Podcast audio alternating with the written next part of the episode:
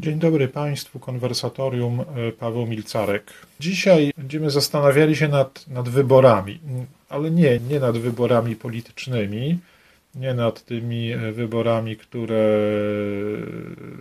ostatnio zresztą zajmują nam bardzo dużo uwagi i, i, czasu, bo są związane z różnymi naszymi obywatelskimi odpowiedzialnościami za najwyższe urzędy w państwie, za kierunek polityki państwa. To wszystko są rzeczy obywatelskie oczywiste dla, dla każdego, kto żyje także życiem swojej wspólnoty. I na pewno to, o czym dzisiaj e, będzie mowa, w jakimś szerokim sensie również łączy się z, e, z, tymi, z tymi politycznymi wyborami. Niemniej, a propos właśnie tej wyborczej sytuacji, chciałbym zastanowić się nad wyborami ludzkimi jako takimi. Nie będziemy tego może przesuwali bardzo, bardzo wysoko w krainę abstrakcji, tylko spróbujemy się utrzymać trochę ponad powierzchnią ziemską, w jakiejś odległości, takiej już trochę filozoficznej dającej ogląd z góry i pozwalającej patrzeć na przyczyny, na zależności. No ale zawsze to, o czym będziemy mówili, to, to w sumie są te rzeczywistości, które nas dotyczą nieustannie, zaczynając od pewnie rzadko ponawianego, ale czy rzadko można powiedzieć inaczej, nie ponawianego, tylko rzadko mm, jakiegoś od podstaw e, przeprowadzonego ponownie wyboru dotyczącego spraw fundamentalnych, celu życia, kwestii wiary, kwestii jakichś obowiązków naszych podstawowych. To są rzeczy, również występuje zjawisko i, i mechanizm wyboru.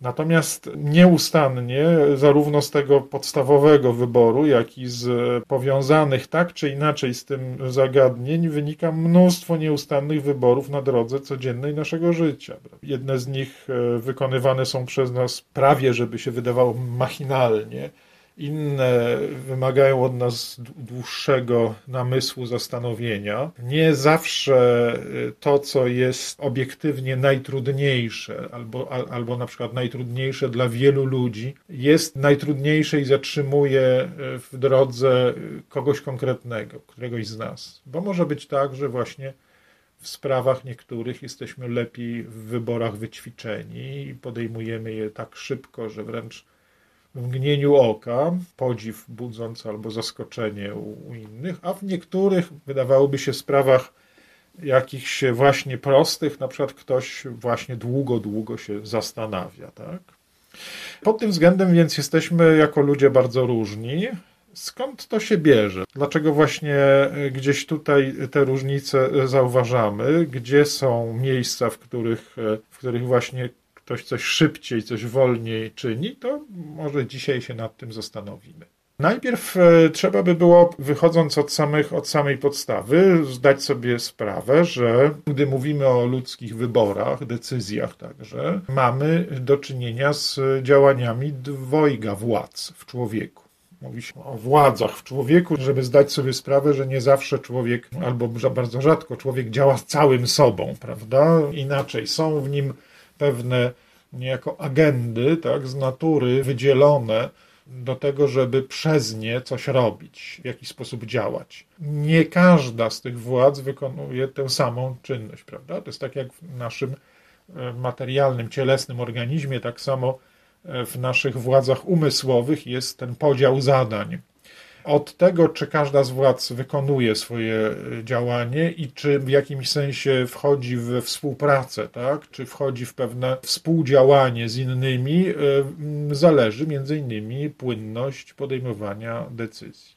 Są takie dwie władze, które wprost składają się na decyzje. Nie wszyscy myśliciele, nie wszyscy autorzy, nie wszyscy filozofowie te władze konsekwentnie odróżniają, ale w klasyka e, można powiedzieć, począwszy od Platona i Arystotelesa, kładła na to duży nacisk. Odróżnienie intelektu i woli. Intelektu to pewnie najlepsza jest nazwa, ale w języku polskim czasami zamiennie używamy takich nazw jak rozum, umysł.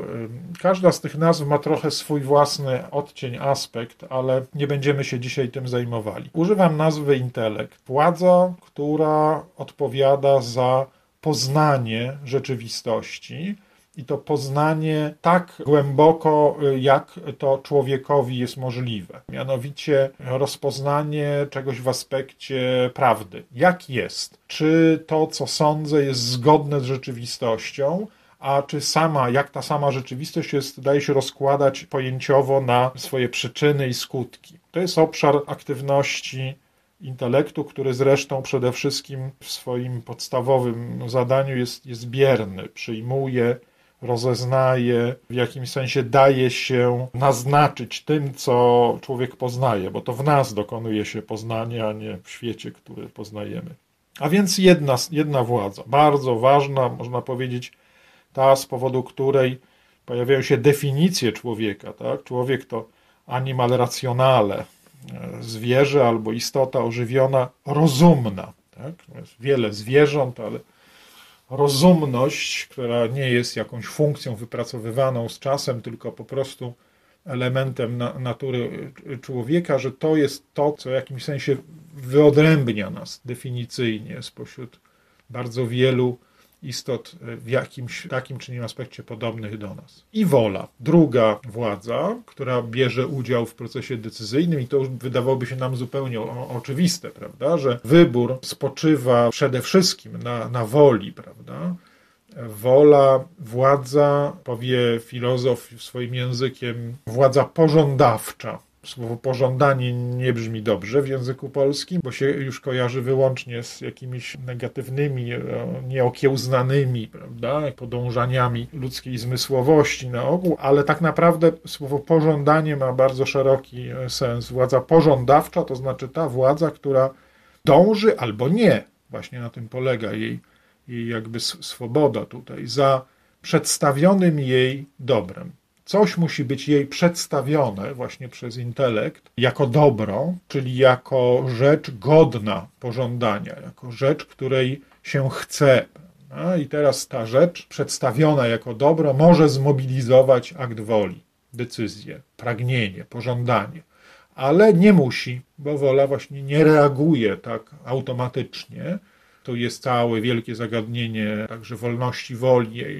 Używamy takiego określenia, wolność woli, czyli pewnej swobody, nie absolutnej, ale jednak zawsze realnej, e, swobody w decydowaniu. To znowu ma nas odróżniać od, od starożytności. Tam spór się co do tego, czy się tam zaczyna między stanowiskiem takich de deterministów, że wola ludzka właściwie zawsze idzie za jakimś, jakimś dobrem, które jest jej przedstawione, albo też stanowisko no, takie, które potem było bardzo mocno zasilane przez, przez chrześcijaństwo że mianowicie no, człowiek zawsze zachowuje wolność decydowania, liberum arbitrium, czyli taką wolność osądu, ale w konsekwencji także wolność decydowania, wolność wyboru. To są te dwie siły, intelekt i wola, które odgrywają podstawową rolę w tym, o czym, o czym dzisiaj mówimy.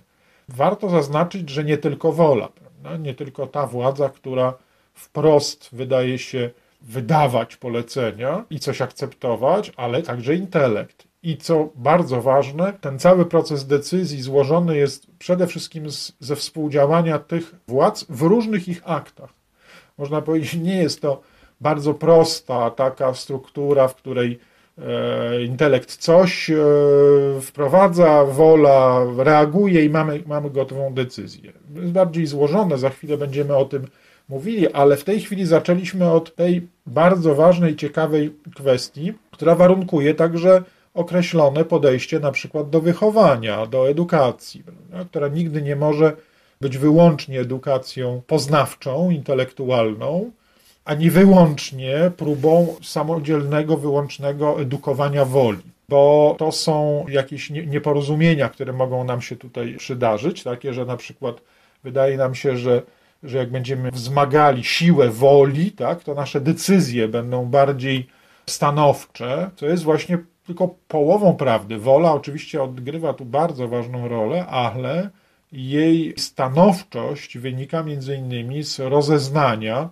co jest dobrem, co jest dobrem prawdziwym, co jest dobrem, którego chcemy, które jest odpowiednie dla nas. I tutaj wola zawsze ogląda się, że tak powiem, za, za jakimś rozeznaniem, które przychodzi z intelektu. Z drugiej strony, samo kształcenie intelektu niczego tutaj nam nie daje, albo daje niewiele, bo daje złudzenie pewnego procesu decyzji.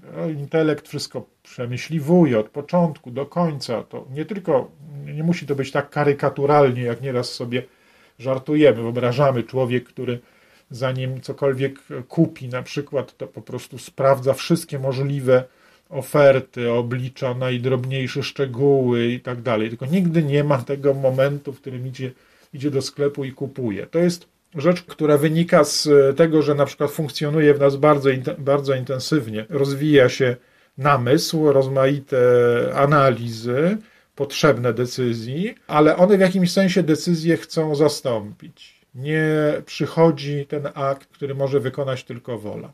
To jest pole, w którym będziemy y, za chwilę dokonywali bardziej szczegółowych y, jeszcze sprecyzowań, ale już w tej chwili widzimy z jednej strony intelekt, z drugiej strony wolę. Akt decyzji to jest swoisty marsz wspólny intelektu i woli, w którym co chwilę intelekt i wola coś dorzucają, coś sobie wzajemnie poddają, tak jakby można powiedzieć, idąc drogą, przerzucały piłkę między sobą. I to jest, o ile idą drogą, o ile idą razem i o ile przerzucają piłkę i o ile ta piłka jest łapana, to nasza decyzja ma szansę, nasz wybór ma szansę tego, żeby był, żeby był podjęty, może być dokonany. Do tego powinniśmy jeszcze dodać, i gdzieś zaraz to do nas wróci, że oczywiście nigdy nasze wybory nie są podejmowane w takiej czystości intelektualno-wolitywnej, takiej czystości anielskiego umysłu, tak? takiej czystości bezzmysłowej. Zawsze do tego dochodzi wspaniała, bardzo ważna dla człowieka sfera zmysłowa, sfera uczuć, o której e, w konwersatorium niedawno e, po trosze mówiliśmy. Niewątpliwie, co dzisiaj oczywiście bardzo, bardzo intensywnie jest rozważane, a my tylko mówimy o tym trochę przy okazji, uczucia odgrywają e, również swoją, swoją rolę, nie wyłącznie negatywną, bardzo często także pozytywną w naszych poprawnych wyborach. No i jeszcze jeden element, element nawyków, czy poważniej rzecz ujmując, sprawności, usprawnień, nawyków, które dotyczą na, właśnie na przykład naszych, naszych uczuć, które dotyczą naszej sfery także całej emocjonalnej, a sprawności, które właśnie budują się w intelekcie i woli, które pozwalają, tak jak mówiliśmy na początku, niektórym z nas szybko przechodzić przez te etapy, które na przykład bez tych usprawnień e, no, zajmują nam więcej sił, siły, czasu, z nas wyciskają ostatnie poty, podczas gdy ktoś przechodzi z olimpijskim spokojem i pewnością akurat te, te etapy. Wracamy do naszych rozważań o, o wyborach, o wyborach ludzkich, a więc nie, niekoniecznie o wyborach politycznych, choć no cóż, e, ludzkie wybory też e, bywają polityczne, muszą być również polityczne, ale nie wszystkie. Wyborem jest przysłowiowe wybranie z szafy akurat e, tego czy innego ubrania. Wyborem jest zdecydowanie się, którą drogą pójdzie się do szkoły. Wyborem jest podjęcie kierunku studiów. Całe mnóstwo spraw, wybory, które się mówi wybory sercowe, tak, również wybory, które dotyczą jakiejś przyszłości, wiązania się z kimś w życiu, wybory, które dotyczą życia już w rodzinie, w małżeństwie, w życiu domowym, tak? wybory, które dotyczą tego, czym się zajmiemy dzisiaj wieczorem. Mnóstwo, nieustannie, tak? generalnych wyborów i bardzo szczegółowych wyborów. Na każdym e, poziomie, co może nas dziwić, właściwie działa dokładnie ta sama struktura, zbudowana z e, aktów tych dwojga władz, intelektu i woli, o których mówiliśmy przed przerwą. Intelektu i woli, które cały czas są jak bardzo daleka analogia, ale proszę wybaczyć, są tak jak dwoje rodziców otoczonych wianuszkiem małych dzieci, dopiero rosnących, często niezbyt jeszcze okrzesanych, tak, maleństw, które trochę nam tutaj przypominają wianuszek uczuć ludzkich. Każda decyzja, każdy wybór wzbudza jakieś, jakieś uczucia, albo inaczej, albo jest też przez uczucia w jakimś sensie wspierany, albo, albo uczucia mu przeszkadzają. Jest to bezpośredni kontekst każdego wyboru. Chyba rzadko albo nigdy nie zdarza się, żeby nasz wybór był, jak powiedziałem przed przerwą, takim wyborem anielskim, tak? Tak jak sobie w traktatach o aniołach teologowie i filozofowie piszą o takich czystych umysłach. Człowiek zawsze jest umysłem osadzonym w ciele. Z ciała bierze się także pewna dynamika uczuć, całej zmysłowości człowieka i w związku z tym Nigdy nasze decyzje nie są po prostu zawieszone w próżni. Niedawno słuchałem właśnie zresztą w ramach tej całej przetaczającej się w ostatnich tygodniach, nawet miesiącach dyskusji wyborczej, słuchałem bardzo interesującego wystąpienia pewnego analityka, który przekonywał swoich widzów, że właściwie to w 90% te nasze wybory, decyzje są już jakoś zdefiniowane i tylko te 10% próbuje robić wrażenie, że że, mamy jeszcze jakąś swobodę i że bardzo rzadko się zdarza, żeby ten jeździec, to 10%, rzeczywiście potrafił e, w inną stronę skierować słonia, na którym siedzi, czyli te 90% już jakichś zdecydowań. Te zdecydowania, no one są w znacznym stopniu zbudowane zarówno z naszej już nagromadzonej kultury, a więc właśnie pewnych nawyków, pewnych przeświadczeń, pewnych skryptów, można tak powiedzieć, czyli pewnych już przeniesionych do naszego życia, czasami po prostu z życia osób, wśród których żyjemy, które wywarły na nas wpływ, pewne skrypty, decyzji, tak, reakcji. No i do tego jeszcze oczywiście dochodzą, znaczy nie dochodzą, tu z tego się biorą, tak, to również pewne takie reakcje właśnie uczuciowe, czy jak kto woli w innym znowu podejściu emocjonalne, które albo ułatwiają, przeszkadzają nam na przykład analizę czyjejś mowy, czyjegoś przesłania, czyjejś perswazji. Tak jest. Tyle tylko, że wszystko to oczywiście nie znaczy, że można po prostu powiedzieć, że, że nie mamy, nie kontrolujemy naszych wyborów. Owszem, jeździec zawsze jakoś tego słonia może kontrolować, tylko na przykład zajmie mu to więcej czasu, więcej siły. Co więcej, sam słoń może być albo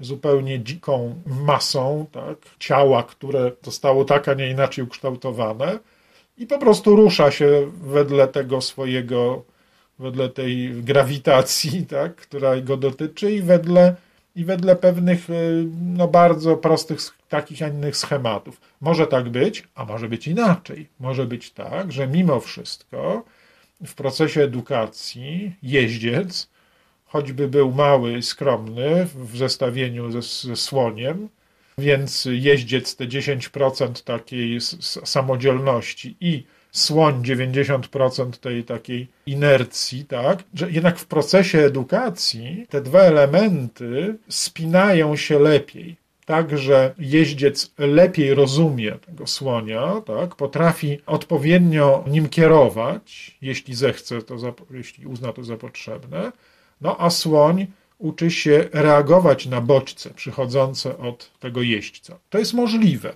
To nie jest wyłącznie tak, że jesteśmy skazani na taki w sumie ostatecznie relatywizm. Przekonanie, że ludzie już jak przystępują do wyborów, to już po prostu są zdeterminowani i tak i tak, nic ich nie przekona, bo zawsze będą reagowali tak, jak reagują od tam, nie wiem, pokoleń. Nie, te zmiany następują, perswazje na nas działają i to nie zawsze w ten sposób, że są gwałtem na nas, tak? Bo zdajmy sobie sprawę, że wiele tych perswazji, zwłaszcza w walce politycznej, to są, e, mówi się, że na ostatnich etapach zawsze kampanii pojawiają się takie już nie perswazje, tylko takie przymusy, tak? takie zbudowane przez inżynierów propagandy politycznej, takie e, schematy, które mają w nas wywołać, nas na przykład wybić z tego, co było już naszą wcześniejszą, wcześniejszym rozeznaniem.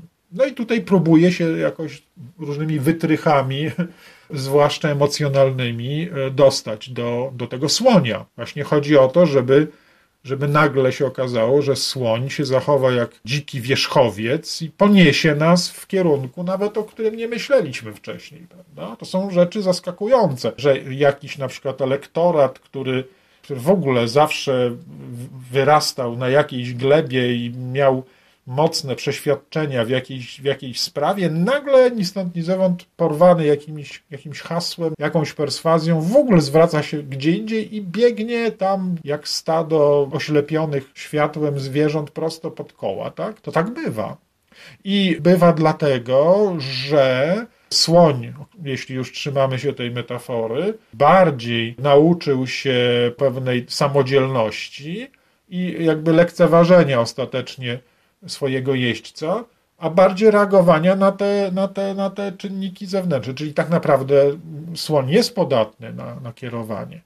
Tyle tylko, że nauczył się albo nie nauczył się przyjmować delikatniejszych, subtelniejszych bodźców od swojego własnego mistrza, od swojego własnego kierownika, tylko mm, łatwo daje się płoszyć temu, co się wydarzy obok. Tak? Wybuchnie granat, no ktoś właśnie rzucił granat w kampanii takiej czy owej w postaci jakiegoś niesamowitego komunikatu i już wszyscy poruszeni biegną gdzieś w bok. Prawda? To jest e, moment, w którym się okazuje mm, siła albo słabość całej pracy systemu edukacyjnego na przykład który no, albo jest nastawiony na taką tresurę. Tresura to właśnie na tym polega, że, że, że, że, że, że słoń słucha się ewentualnie bata, tak, albo jakichś mocniejszych bodźców, natomiast nie współpracuje, w jakimś sensie nie współuczestniczy, nie współżyje z tym, który nim kieruje. Tak.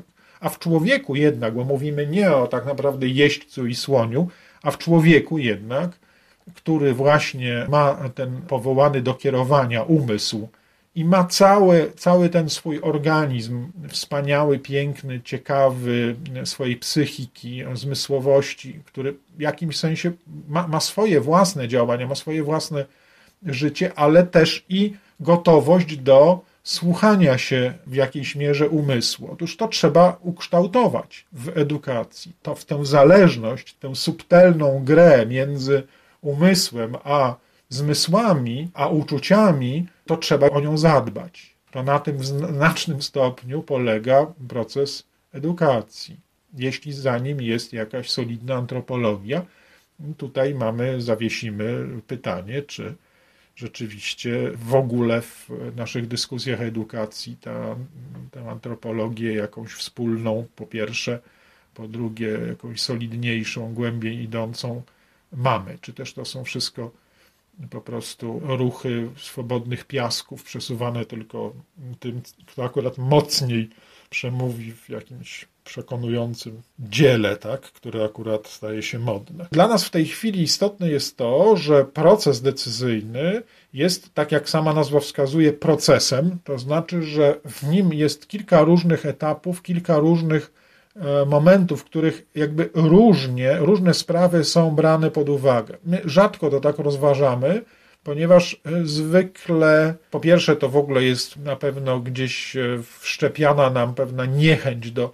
rozpatrywania takich zagadnień. Niech one lepiej biegną sobie, już i tak te wybory różne nasze decyzje są niekiedy trudne, tak? Człowiek myśli, macha ręką, mówi, a no cóż, tak, jak zrobię tak, jak tutaj o, mówią dookoła, albo że akurat to mnie bardziej emocjonalnie e, ciągnie, przekonuje, prawda? No takie zupełnie przypadkowe czasami albo w każdym razie nieodpowiedzialne te nasze akty decyzyjne. Tym bardziej nie chce się wchodzić w to, prawda, rozszczepiać, tak, uprawiać jakiś scholastyki, tak, jak ktoś powie z wielkimi oczami, scholastyki, takiego rozpisywania na etapy tego, co nam się wydaje po prostu błyskiem, tak? tak jo, już decyzja, już, już, już poszło.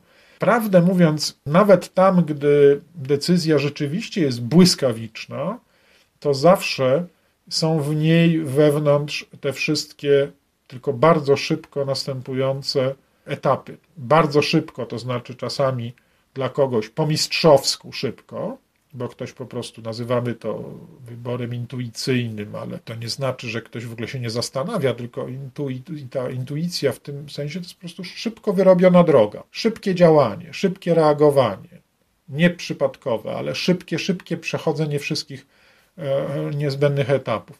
A dla kogoś szybkie, to znaczy po prostu pomijanie, przebijanie się na skróty, albo też dokonywanie, przepraszam, gwałtu na sobie samym, tak? Znaczy dopuszczanie siły uczuć, prawda? jakiegoś potężnego wzburzenia i to staje się motywem decyzji, za którą potem nie chcemy brać odpowiedzialności, która jest dla nas czasami zawstydzająca. Jak to się zdarzyło, że, że coś takiego żeśmy zrobili, niekiedy w bardzo ważnej sprawie.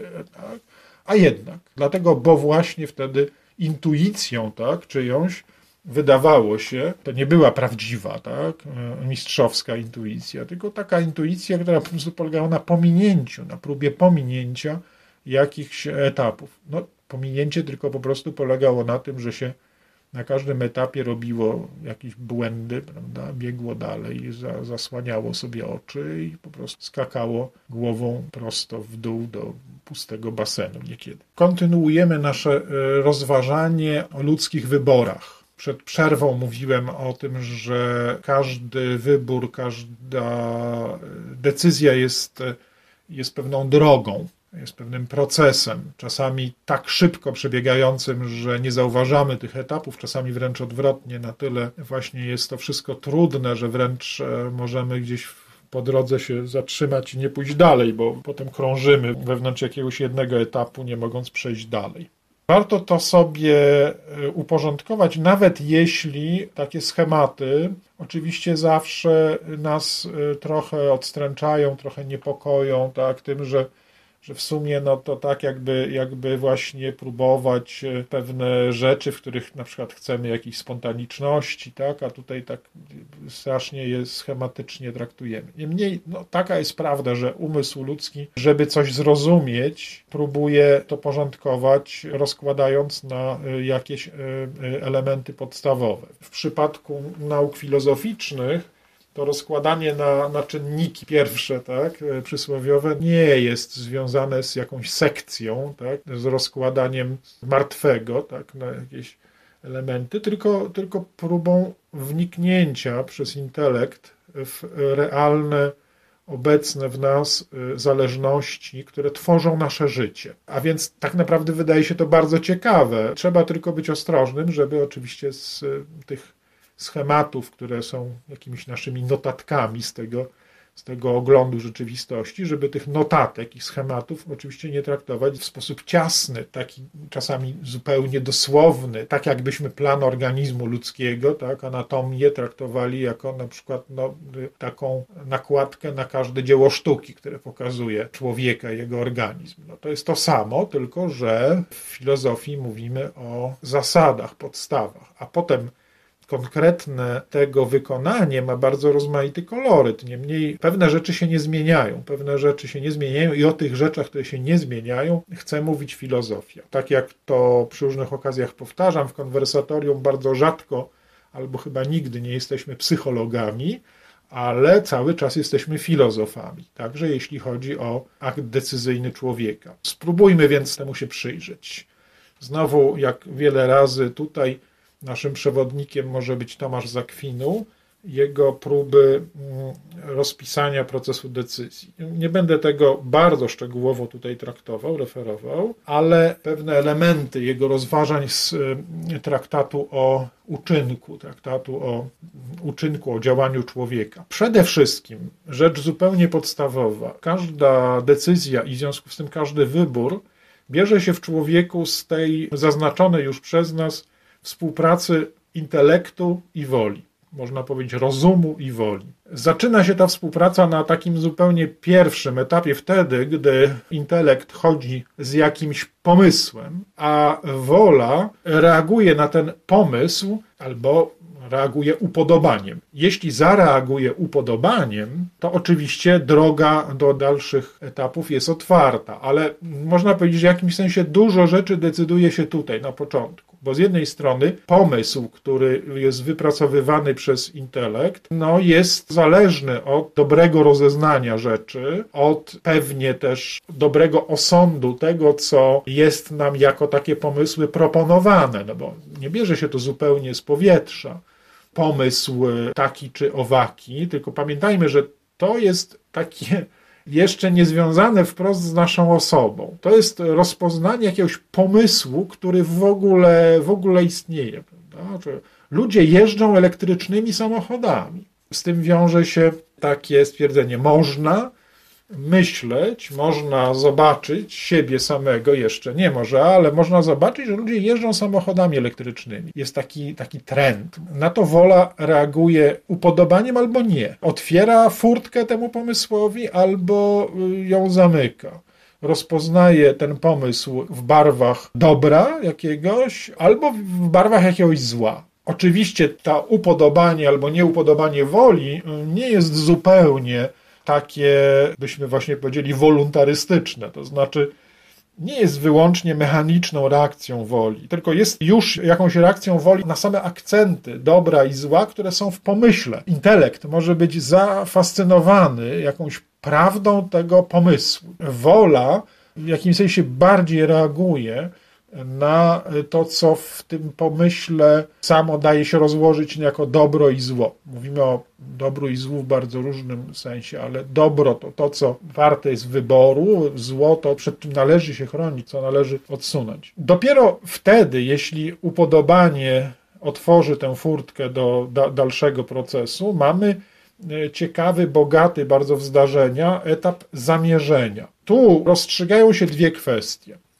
Po pierwsze, czy ten pomysł, który został w jakimś sensie e, otoczony upodobaniem woli, tak? czy ten pomysł, ten, ten pomysł intelektu opisuje nasz cel. To jest pierwszy e, moment bardzo ważny, bo coś, co nam się podoba, prawda, co jest ciekawe i tak dalej, niekoniecznie musi być naszym celem.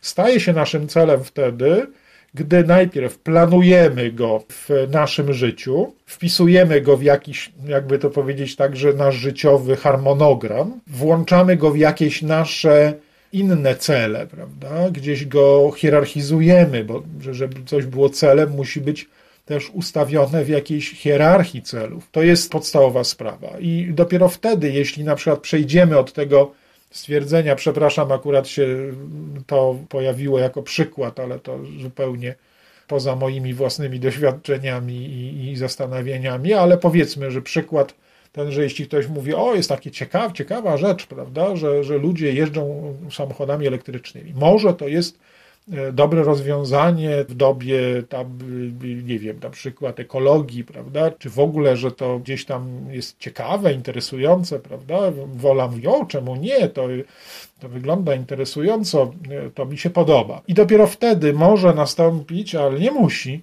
podpowiedź druga intelektu, to niech będzie to naszym celem. To może to właśnie zmierzajmy, żeby wymienić nasz samochód na taki, na taki elektryczny. W tym momencie taki zamysł intelektualny musi zostać ewentualnie zaakceptowany, musi otrzymać, że tak powiem, kontrasygnatę od woli, która wtedy czyni zamiarem osiągnięcie tego celu. I dopiero tutaj jest wola, jest w tej sprawie wola, nie tylko pomysł, tak? Nieraz w życiu politycznym też widzimy, jak debata zatrzymuje się na etapie właśnie takiego ogólnego, prawda? O, ciekawe pomysły, podoba mi się, prawda? Ale tu trzeba przejść do, do etapu celu, czyli tak, to jest cel, tak, stawiamy to jako nasz cel. I wola mówi, tak, to jest właśnie taki zamiar, prawda? Mamy, żeby to uzyskać. I teraz w sposób oczywisty od określenia celu przechodzimy do określenia środków. Dopiero w tym momencie to będzie możliwe. I to mm, znowu podkreślimy to jeszcze raz. Wszystko to się dokonuje niekiedy w błysku, tak? Przejścia takiego, że nie ma, nie, nie widzimy nawet tej granicy, niemniej ona jest realnie.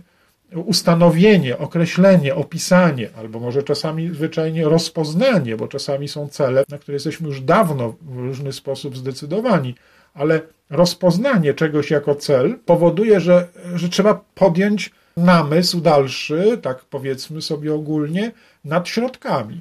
No, nie, nie uzyskuje się zwykle celów po prostu dlatego, że się chce. Trzeba do celu, który sobie ustanowiliśmy, y, dopasować odpowiednie y, środki. Znowu pracuje nad tym rozum, pracuje nad tym intelekt, a wola znowu ma bardzo ważną rolę. Mianowicie, no cóż, zwykle do jakiegoś celu zmierza albo nie zmierza bardzo wiele różnych środków. Sprawą intelektu jest wyłącznie albo głównie rozpoznanie tego w aspekcie prawdy, bo intelekt za to odpowiada. Po prostu rozpoznaje to, czy do tego celu, jakie prowadzą środki. Oczywiście intelekt z racji e, kultury moralnej, która, która również jest naszym udziałem, e, zaraz zauważa, że jedne z tych środków są jakieś obojętne albo jakieś właśnie dobre, często używane w dobrych zamiarach, a inne takie wątpliwe albo wręcz od razu kojarzą się z jakimś złem, jakimś odstępstwem. Ale to jest tylko rozpoznanie sprawy. Tak? Natomiast wola musi dać przyzwolenie.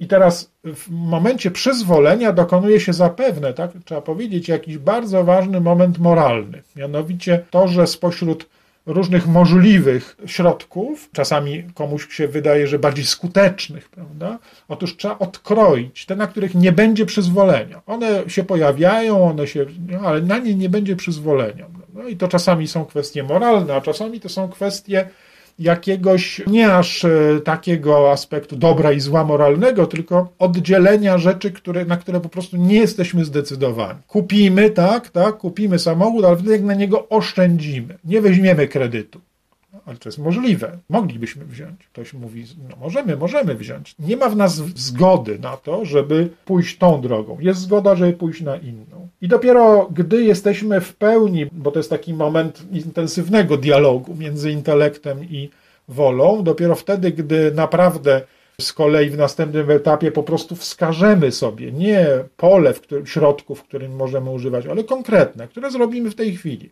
Nie różne możliwości, tylko to, na co rzeczywiście w tą drogą, którą pójdziemy. I wola jest już zdecydowana, pojawia się wybór jednego ze środków. To dopiero wtedy otwiera się proces wykonania tego wyboru. I w tym momencie będziemy wychodzili powoli poza obszar tej wewnętrznej gry intelektu i woli. Rozum dopiero tutaj prawda, formułuje coś, co Tomasz i scholastycy nazwą po prostu rozkazem rozkaz. Taki e, moment egzekucyjny, prawda? Nie pluton egzekucyjny, ale egzekucja, także nie długów, tylko po prostu egzekucja jako wykonanie, moment wykonawczy, egzekutywa, tak? Tak to lepiej zabrzmi. To wola odpowiada za to, żeby rozkaz albo przyjąć, prawda, co pewnie już na tym etapie jest, jest zupełnie zrozumiałe, albo jednak wstrzymać się z tym.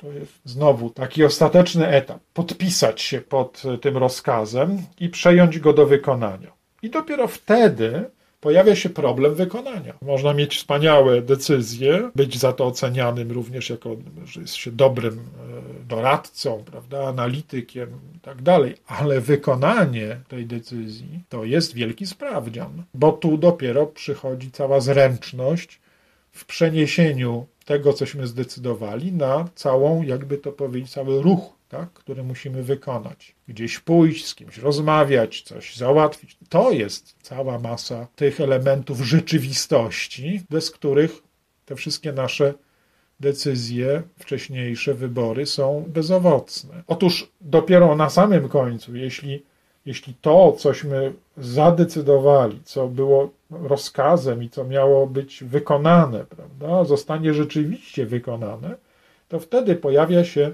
znowu i o czym nie wolno zapominać, także w kontekście każdych naszych wyborów, także wyborów politycznych, pojawia się problem zadowolenia i osądu. Dopiero wtedy, jeśli to, cośmy zdecydowali, po wykonaniu okazuje się dokładnie tym, czego chcieliśmy, to pojawia się zadowolenie. Jeśli okazuje się, że sami się oszukaliśmy albo daliśmy się oszukać, no to oczywiście jest to dramatycznie trudna sytuacja no, na jakimś niskim poziomie ważności, to oczywiście nie taki dramatyczny, ale w wielkim wymiarze staje się dramatyczne. Oszukany, ten, który dał się oszukać ostatecznie, zadowolony nie jest. Jest nieszczęśliwy, jest wściekły.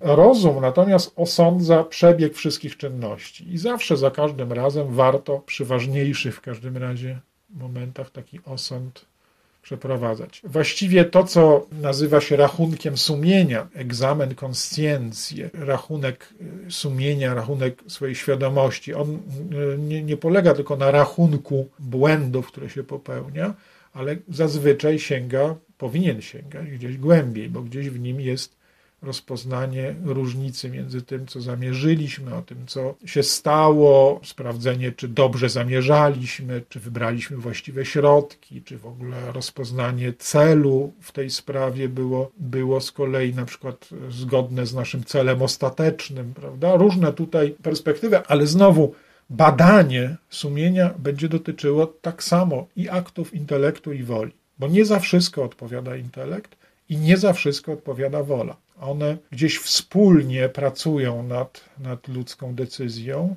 W jakimś sensie każdy nasz wybór jest, jest efektem pracy komisji. Tak? Ktoś sobie może żartować, że komisje źle pracują. No cóż, w naszym życiu komisje nieustannie obradują. No, intelekt, wola i ciągle jeszcze wysłuchiwani są reprezentanci uczuć, ciągle gdzieś e, działają w nas również formy naszych nawyków, pomagają nam sprawności. To wszystko jest bardzo bogaty, ciekawy świat, dzięki któremu wychodzą gdzieś poza nas nasze decyzje, nasze wybory. Życzę Państwu i sobie jak najlepszych we wszystkich chwilach, gdy nieustannie różne decyzje podejmujemy. Oby przynajmniej te najważniejsze przysparzały nam wiele szlachetnego zadowolenia. Dziękuję e, za uwagę. Zapraszam jak zwykle do konwersatorium następną niedzielę o godzinie 13. A tymczasem dobrej niedzieli, do usłyszenia. Paweł Wilcarek.